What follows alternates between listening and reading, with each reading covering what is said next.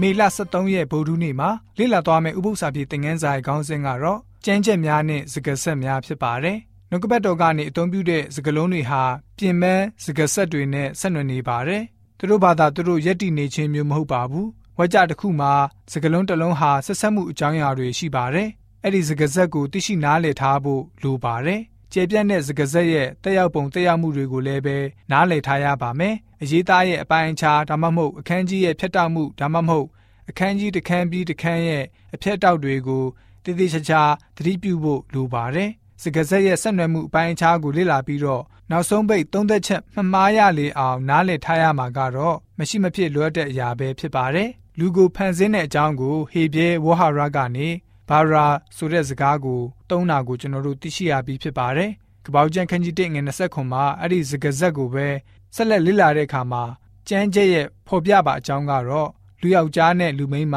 ဆိုပြီးတော့ခွဲခြားခေါ်ဆိုတဲ့စကားလုံးပါလာပါတယ်။ဆိုလိုတဲ့ဟေဘဲဝဟာရရဲ့အသုံးအနှုန်းကတော့အာဒမ်ကိုလူသားအလုံးစတင်လိုက်ရာအရင်အမြင့်လူသားမျိုးနွယ်ရဲ့အစားလို့သဘောပေါက်ရပါတယ်။အဲ့ဒီအာဒမ်ဆိုတဲ့အလားတူစကားလုံးကိုပဲ ကပောက်ကျန်ခကြီးနှစ်ငယ်ခုနှစ်မှာမြေမှုန့်ကိုယူ၍ဖျားသခင်ဟာမိမိရဲ့ပုံတံတော်နဲ့အညီအာဒမဲလို့ဟေဘေးဘာသာစကားနဲ့သမုတ်ထားပါတယ်။လူယောက်ျားအာဒမ်ကိုဖန်ဆင်းပြီးတော့လူမိန်းမအေဝကိုမဖန်ဆင်းခင်အဲ့ဒီဝဟာရအာဒမက်ကိုတုံထားပါတယ်။အခန်းကြီးနှခမ်းရဲ့ဆက်ဆက်မှုစကားဆက်ကတော့အာဒန်ဆိုတဲ့လူသားမျိုးနွယ်ရဲ့အစပြုတဲ့အရာနဲ့လူယောက်ျားအာဒန်ဆိုတဲ့စကားဆက်ကိုစူးစမ်းမြင်တွေ့ရပါတယ်။အဲ့ဒီ လူပုဂ္ဂိုလ်အာဒန်ကိုပဲမျိုးရိုးစင်ဆက်ရေးတွက်ပြီးတော့ပြီးတဲ့နောက်မှာသခင်ယေရှုကိုညွှန်းဆိုတဲ့နေရာမှာလည်းပဲဒုတိယအာဒန်ဖြစ်လာတဲ့သူဖြစ်တယ်လို့လည်းပဲ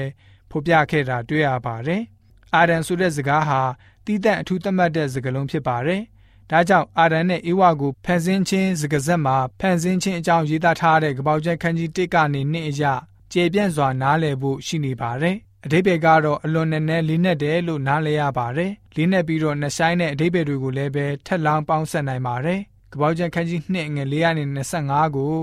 ဒုတိယအကြိမ်ဖန်ဆင်းခြင်းအကြောင်းလို့လူတွေခေါ်ဆိုတတ်ပါတယ်။သို့တော်ထူးခြားချက်အနည်းငယ်သာရှိပါတယ်။အရေးအသားအကြောင်းအရာနှစ်ခုစလုံးမှာလူသားတွေရဲ့အစအတိအကျကိုသာရေးသားဖော်ပြထားတာတွေ့ရမှာပဲဖြစ်ပါတယ်ဆိုပြီးတော့ ဗုဒ္ဓနေဥပု္ပ္ပစာဖြစ်သင်ခန်းစာကကျမ်းချက်များနဲ့စကားဆက်များဆိုတဲ့အကြောင်းအရာအဖြစ်ဖော်ပြပေးထားပါတယ်။